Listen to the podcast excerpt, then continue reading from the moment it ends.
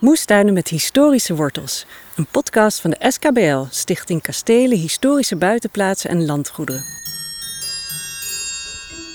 Hoepelrokken en bosvarkens. De vierde aflevering voert ons naar de moestuin van de Ridderhofstad Zuilenstein in de provincie Utrecht. De eigenaar laat ons de 17e eeuwse tekening zien waarmee zij de tuin nauwgezet heeft gereconstrueerd. Met paden zo breed dat er twee vrouwen met hoepelrokken naast elkaar kunnen lopen. En ze neemt ons mee naar de varkens in het eikenbos. De huidige eigenares, Jemima de Brouweren, die tref ik hier. Oh, hebben jullie over het pakket overlegd? Nou, toen mijn ouders hier begonnen en het idee hadden om hier te gaan wonen, moet je je voorstellen, eh, het deel van de binnentuin waar nu het huis staat, dat was een kerstbomenkwekerij. En ook een deel van deze moestuin was nog kerstbomenkwekerij. Het is bijna niet voor te stellen als je dit nu ziet. Want deze vorm past zo bij, ja, bij de muren, de omgeving. Nou, op oude beschrijvingen van de tuin zie je ook dat de, het park hieromheen wordt beschreven als een interessant 17e park. En over de binnentuin staat nou ja niet zoveel over te melden, want niet boeiend. En je bent architect, je hebt ook gewerkt als architect? Ja, zeker. Ik had al voor een paar jaar mijn eigen bureau in Den Haag. Ja. En nu uh, sta je in deze tuin en ik las dat jullie een prent ontdekten van hoe de tuin eruit zag in 1710, dus het hoogtepunt van de tuin eigenlijk. Ja, ja. En dat is deze prent die hier voor ons dat ligt? Dat is deze prent die hier voor ons ligt van Daniel Stopendaal. En het is zo leuk, hier staat onder naar het leven getekend. En in het koper gebracht door Daniel Stopendaal. Nou, dan heeft Daniel op een trapje moeten staan. Want wat ik zie is een prachtige ouderwetse kaart met guirlandes erboven. Met heren en dames die bloementrossen vasthouden. En daaronder inderdaad een mooie geometrische opzet, het huis en boompartijen ernaast. Jullie ontdekten deze prent wanneer? Oh, die prent ging eigenlijk altijd al bij ons in de, in de gang en dan weer eens in de kamer. Maar de ontdekking was eigenlijk dat we ons realiseerden dat als we hier naar keken, de tuinmuren staan er keurig op. Nee, die zijn er nog. De hekken staan erop, de gebouwtjes zijn er, de vijvers zijn er. En dat zette mij als architect eigenlijk aan het denken van... hé, hey, er staat ook nog op naar het leven getekend. Zou het inderdaad echt zo geweest zijn? Deze tuin laat zien eigenlijk hoe belangrijk zij de moestuin vinden. Of dat laat deze prent vooral ook zien. Want het is heel bijzonder dat op de prent, in het centrum eigenlijk van de tekening, van de prent, de, zowel de parterre de broderie als de moestuin zo prominent aanwezig zijn. Meestal is dat toch anders opgezet. Dus ik ken geen prent waar dat ook zo is. We hebben naar een uh, tuin bij een klooster gekeken, bij Oostbroek. En daar zagen we, ja, dat was echt een functionele tuin, een nutstuin. Uh, daarna zijn we naar Schaaksberg geweest. Zag je ook, nou, de moestuin was belangrijk, maar de vormgeving was puur functioneel. Uh, maar slot zie je dat PC Hoofd zich ermee gaat bemoeien en daar ook al echt um, iets moois aan geeft. Maar zijn tuin was heel erg een plek om te filosoferen, ja. voor een kleine binnenkring. Ja, het was heel filosofisch, zeg maar. Ja. Deze tuin was van andere mensen, was van uh, Frederik Hendrik en Amalia van Zoms. Wat wilden ze eigenlijk uitdragen met hun tuin? Welke indruk wilden ze dat die tuin wekte? En deze tuin hebben ze echt een combinatie gemaakt van, van nou, het, het showen en het, en het nut. Dus als er gasten kwamen, dan liepen ze niet alleen door deze bloementuin, maar de gasten liepen ook door de moestuin. Die, daar waren ja. ze trots op. Ja. Dat was echt onderdeel van hun tuinbeleving. Absoluut, absoluut. En daarom staan ook de, de fruitbomen in de moestuin. En wat je hier kan zien, kijk, deze fruitbomen die zijn vrij laag. Ja. En dat is niet omdat ze nog niet heel oud zijn, maar dat is omdat we ze ook laag houden, heel bewust. Want dat zijn eigenlijk in Nederland kennen we dit soort fruitbomen, dat noemen wij naantjes. En dat komt weer uit het Frans, van de l'arbre nain. Nou is een dwerg, dus dwergboompjes. En die had men in Frankrijk wel in de moestuinen staan. In Versailles is een goed voorbeeld. Daar staan ze ook door de gewassen heen, zoals hier. En het bijzondere in deze moestuin is dat die naantjes, ehm, zeg maar, echt eigenlijk een vaasvorm is. Dat die platgeslagen zijn tot een soort waaiervorm.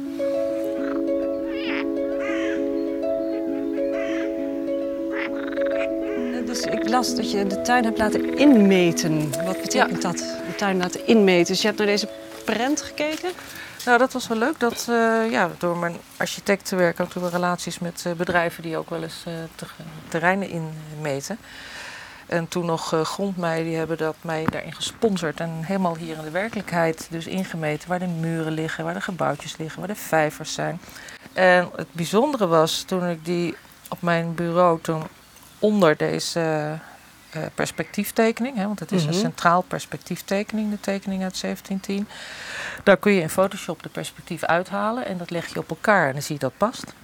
Dat was Dus echt, je maakt er eh, een platte tekening van. Wat je nu ziet als inderdaad een overzicht. Maak je gewoon helemaal een plattegrond zo'n van. plattegrond van. Ja. En die plattegrond legden jullie op de plattegrond van de huidige situatie.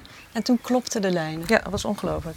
En dus dit is uit 2005. Ik bedoel, Als ik hier om me heen kijk, lijkt het alsof Ja. het nooit anders geweest is. En dat komt waarschijnlijk omdat het zo past bij de, Ja. de hele opzet. Hè? Dat, dat, dat Ja. het- Ja, die periode van die kerstbomen en dergelijke, dat was natuurlijk gewoon de, de no-no-periode. En nu zijn we gewoon weer zoals het moet. ja. Ja. En je ziet dat het in evenwicht is. En lokaal, biologisch en divers, dat klinkt allemaal ontzettend modern. Maar dat is dus eigenlijk 17e eeuw. Heel ouderwets. Heel ouderwets. Ja, dat is leuk met het assortiment groenten.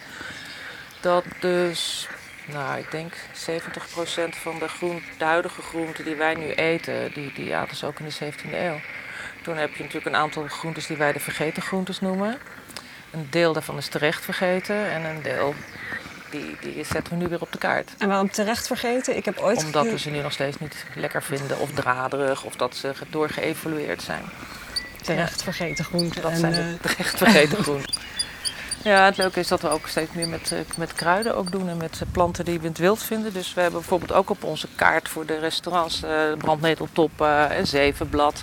En bij het zevenblad voor de pesto heb ik altijd een heerlijk gevoel van wraak. Want het zevenblad dat is altijd zo, zo invasief overal. Dus de beste manier is om het gewoon op te eten. Ja, if you can't beat it, eat it. Eh, Yes. dat heb ik ooit gelezen. Ja. Ja. En dit is dus de vijver. Wat ik ehm er heel leuk vond, je beschreef net al die lijn, hè, dat, dat de, Frans, de Italiaanse tuin kwam naar Frankrijk, de Franse tuin naar Nederland. En de Nederlanders met eh, William en Mary kwamen opeens in eh, Groot-Brittannië terecht. Ik heb ook bij Hampton Court gestaan en gedacht, wauw, wat indrukwekkend zo'n waterweg. En toen zeiden ze, ja, dat is nou echt typisch Nederlands. Die hebben dat bij ons gebracht. Het eh, komt toch van hun kanalen en eh, grachten eh, graafdrift. Maar als je dit zo ziet, dan denk je, ja, het is toch eigenlijk een soort klein kanaaltje. Ja,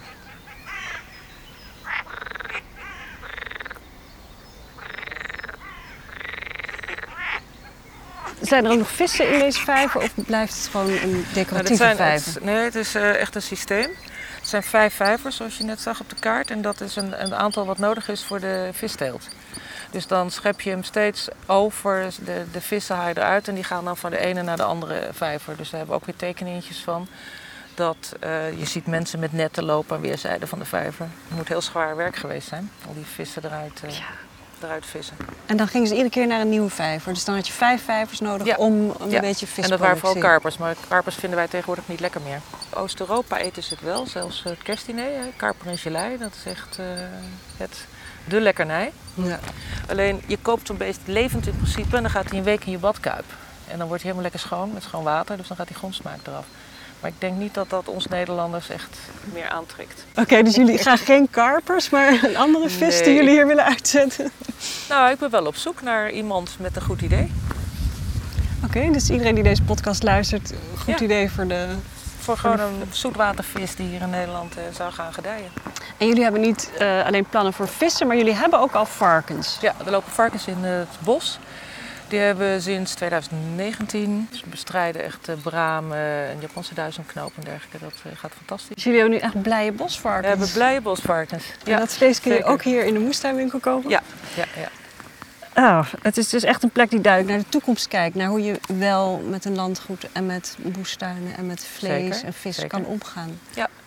Nee, in dat kader eh, zijn we ook weer meer aan het kijken als, als landgoed, eigenlijk als een soort voedselproducerend landgoed. Hè. Een soort, eh, ja, noem het maar gewoon een boerenbedrijf, een gemengd bedrijf 3.0. Dus we telen ook eh, granen. En dat doen we dan op natuurakkers. Dus dat is best wel een experiment.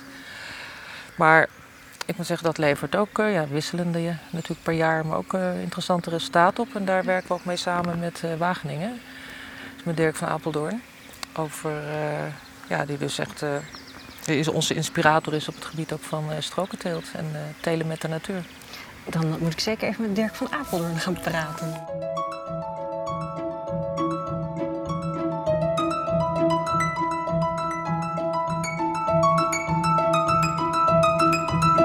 Hallo Dirk. Ehm, ik heb net van uh, Jemima gehoord dat jij hier ook werkt. Kun je iets vertellen over het werk wat jij hier doet? Ja, nou, ik, ik, help Jemima eigenlijk. Jemima doet het echte werk, maar vanuit de, de universiteit uh, help ik haar eigenlijk in die uh, transitie die we moeten maken in de landbouw. met wetenschappelijke kennis of contact die ik doe. Dat, ja, de boeren moeten gesteund worden. Dat, de wetenschap moet het niet vertellen, de boeren moeten het doen. Dus daar probeer ik haar in te helpen, inderdaad, met wat advies of ja, wat je dan ziet. En je zegt uh, de transitie die moet plaatsvinden. Waarom moet het en welke transitie? Uh, nou, de transitie in de landbouw. We moeten naar een ander type landbouw toe. We zijn natuurlijk heel erg goed in Nederland om heel efficiënt te werken en hoge opbrengsten te halen. Maar daar zien we nou de consequenties van. Dat de biodiversiteit gaat hard, hard achteruit. Um, en daar maken we ons echt zorgen over dat het zover instort dat het voedselsysteem ook instort. Hè? Want het is een beetje van uh, één ding weghalen is geen probleem.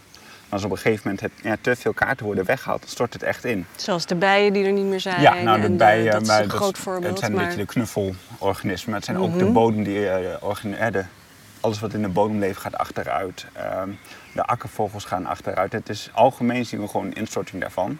En het functioneert allemaal nog, maar we zien het zeg maar kritischer worden. En ook uh, die hele specialisatie in de landbouw, hè, dus dat we alleen maar grootschalige percelen hebben. Daarvoor worden we ook heel kwetsbaar. Want als we een extreem hebben in het weer, dan mislukt een heel groot deel van je oog, zeg maar. Dus daar proberen we eigenlijk in te helpen van nou, meer verschillende gewassen telen, kleinere oppervlaktes, om die risico's te spreiden en tegelijk de biodiversiteit te, te helpen. En we staan hier bij een landgoed. Misschien niet de allereerste plek waaraan je zou denken bij uh, vernieuwing. Aan de andere kant, wij zijn nu in onze podcast al een tijdje bezig. En we hebben gezien dat juist bijvoorbeeld in kloostertuinen ze vooraan liepen. Uh, bij het Muiderslot, hè, de eerste exotische gewassen waren. Dus misschien is een landgoed wel een goede plek om te beginnen met vernieuwing? Nou ja, het mooie van, van de landgoederen vind ik, die denken op de lange termijn. He, waar veel van de, de huidige boeren zitten vast op de hele korte termijn. Hè, volgens mij moet de rekening betaald worden. Ook voor een landgoed zo. Ja. Maar als ze een investering doen, dan investeren ze vaak al voor de komende 300 jaar. Ja. dus je moet dat beeld al... En dan zie je, oké, van we zijn te kwetsbaar, we moeten veranderen. Dus ik denk dat daar echt iets zit van... waarom ze echt met vernieuwing bezig zijn. Van, uh, en misschien ook wel van, met kennis die ze uit het verleden meedragen. Hè. Want het, ja, ze bouwen echt op die geschiedenis voor. Ik denk van, oké, ja. wat kunnen we daar dan uh, van leren? Dus dat daar echt een, uh, een verbinding is. Zie ik daar een, een roofvogel? Ja, zeker. Ik denk dat een het, uh, buizerd? Ja, het is gewoon een buis en dan gaat de kraai erop af om te verjagen, denk ik. Die hem gaat, uh... En is dat ook een teken dat, dat hier iets te halen is voor de buizerd? Is het een goed teken als er buizerds ja. vliegen? Ja, roofvogels zijn essentieel voor de stabiliteit van het systeem. Dat, uh, tuurlijk zou je kunnen zeggen van ja, ze eten ook allerlei zangvogels en dergelijke op. Die maar ik hier die, inderdaad in grote getalen hoor. En het is Ja. grappig om te zien hoe die kraai inderdaad die uh, buizerd ontzettend achterna gaat Ja, zitten. die gaat lopen etteren, want die... eh, je? Ja. Dat, ehm, Dus- nou ja, dat zie je. Maar eh, nou zie je het naar een roofvogel, maar je ziet het ook bijvoorbeeld kievieten. Die doen dat ook. Die eh, jagen de andere kraaien weg. En eh, ja, die eh broeden graag op maisland. Of op open land. Maar omdat ze dan de kraaien weghalen, heb je vaak dus inderdaad net waar zo'n kieviet zit, dan helemaal geen vraat bijvoorbeeld. Hè, omdat die dat de rest beschermt. Ah, Dus dat, eh, dus wat, wat voegen roofvogels en zangvogels toe aan de tuin? Moestuin? Ehm, Nou, eigenlijk eh, een stukje stabiliteit zou je kunnen zeggen. Dus eh, vanuit de ecologie gedacht probeer je eigenlijk ehm, zoveel mogelijk lagen in je systeem te krijgen. Dus je hebt de, de planten, eh, die vangen zonlicht op en die maken daar blad van. Nou, dan heb je daar natuurlijk weer insecten die daarvan eten. En dan heb je andere insecten die, in die insecten eten. En dan heb je de vogels die dat weer eten. En dan heb je de zangvogels. En die, hoe meer laag je in dat systeem hebt, zorg je eigenlijk voor dat het stabieler wordt. Hè? Want als er te weinig rups zijn, dan gaan die insecten misschien naar een ander... Of dan gaan degenen die rupsen eten, gaan dan iets anders eten. Dus je bent niet in, meer in een lijn aan het denken, maar in een web. Ja, dus is, een eh, hele piramide van dieren en Ja. organismes die zich aan elkaar voeden. En nu ondertussen ontdekken we dat ze eigenlijk allemaal een functie hebben. Ja, je denkt van, nou ja, die kan best wegnemen, hè, want Ja. wat, die doet toch niks. Maar het is een, een, een backup, zoals we dat dan zeggen. hè. Van als één wegvalt, dan kan de ander het overnemen.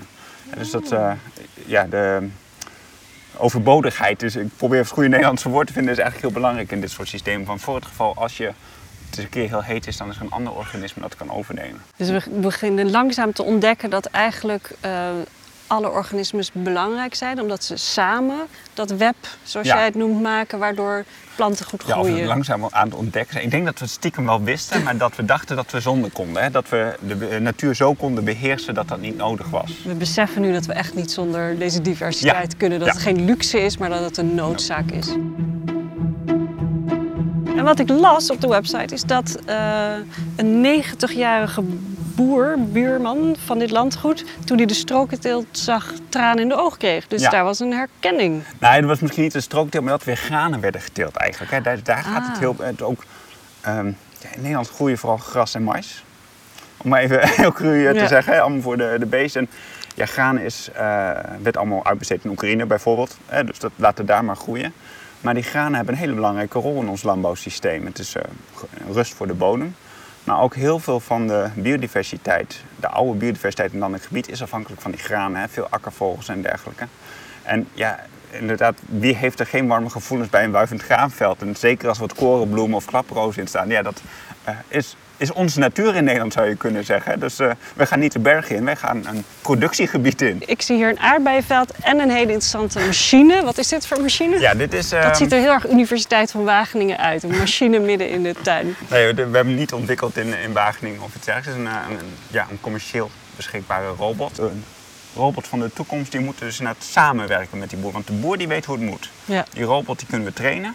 Maar je moet niet denken dat die robot het antwoord heeft van hoe het gaat moeten. Want dat eh is in ieder geval over eens, eh, daar is eh, landbouw te complex voor. En jullie zijn echt aan het onderzoeken wat voegt technologie toe. Wat voor technologie kan ik inzetten en waar moeten we beter luisteren naar wat de natuur aan het doen is. Nee, je moet eerst luisteren naar wat de natuur doet. Oké, je gaat helemaal En omdraaien. dan ga, ja, precies. Dus hè, wat heeft de ecologie of die plant nodig? En dan is daar een boer aan die zegt van die wil daarvan oogsten. En dan, oké, wat kan techniek ons daarbij helpen eigenlijk? In plaats van dat de techniek zegt van nee, we moeten het zo doen. Want dan krijg je dus inderdaad ja, zieke systemen die helemaal afhankelijk zijn van de techniek. In plaats van de natuur zijn werk laten doen. En hoe belangrijk is een landgoed als dit om, om dus te kijken naar hoe ga ik nieuwe landbouw bedrijven? Ehm, het is een soort eh, geheugen voor ons. Van oké, van waar we van kunnen leren. En dan wellicht samen met de nieuwe techniek inderdaad een nieuwe toekomst eh, kunnen bouwen voor de landbouw. Maar meestal als je aan deze deksel gaat rammelen, dan eh, komen ze wel.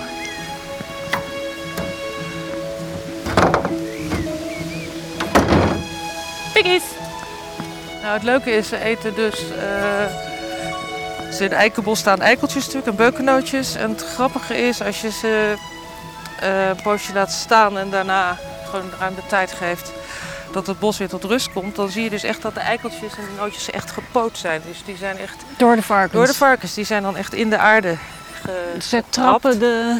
Ze eten een heleboel op, maar een Ja. deel trappen ze gewoon de grond in. Kijk, hier zien we een groot moedervarken Leuk hè? Die in haar eigen drinkbakje staat. Kan ze zelf water eh Ja, dat zelf laten water komen. pakken. Duwt Ja. ze ergens tegen en dan komt er water. Ja, Zeg maar wat, darling. Nou, je gaat lekker liggen, hè? een beetje nattig. Vind jij leuk? Nog wat natter voor je maken. Hè? Kom maar. En daar zijn al haar kleine biggetjes. 1, 2, 3, 4, 5, 6, 7, 8 biggetjes. Ja, gewoon lekker. Het lijkt wel Dalmatiërs met eh, wit Ja, met leuk, hè? vlekjes. Hoe heet dit ras? Dit is een kruising tussen. nou, deze is ook niet echt lekker. Tussen eh, Berkshire en eh Duroc. Sorry, ik ben je aan het afleiden, maar je bent ondertussen de waterleiding Ja, proberen door te Oh, stromen. daar komt hij. Nou, deze moeten we even nakijken. Want als ik het al lastig vind om water te krijgen. Oh, kijk, ze is hier heel dankbaar. Ze begint meteen. Ja. Hey. Niet mijn vinger opeten, hè? Kijk eens aan.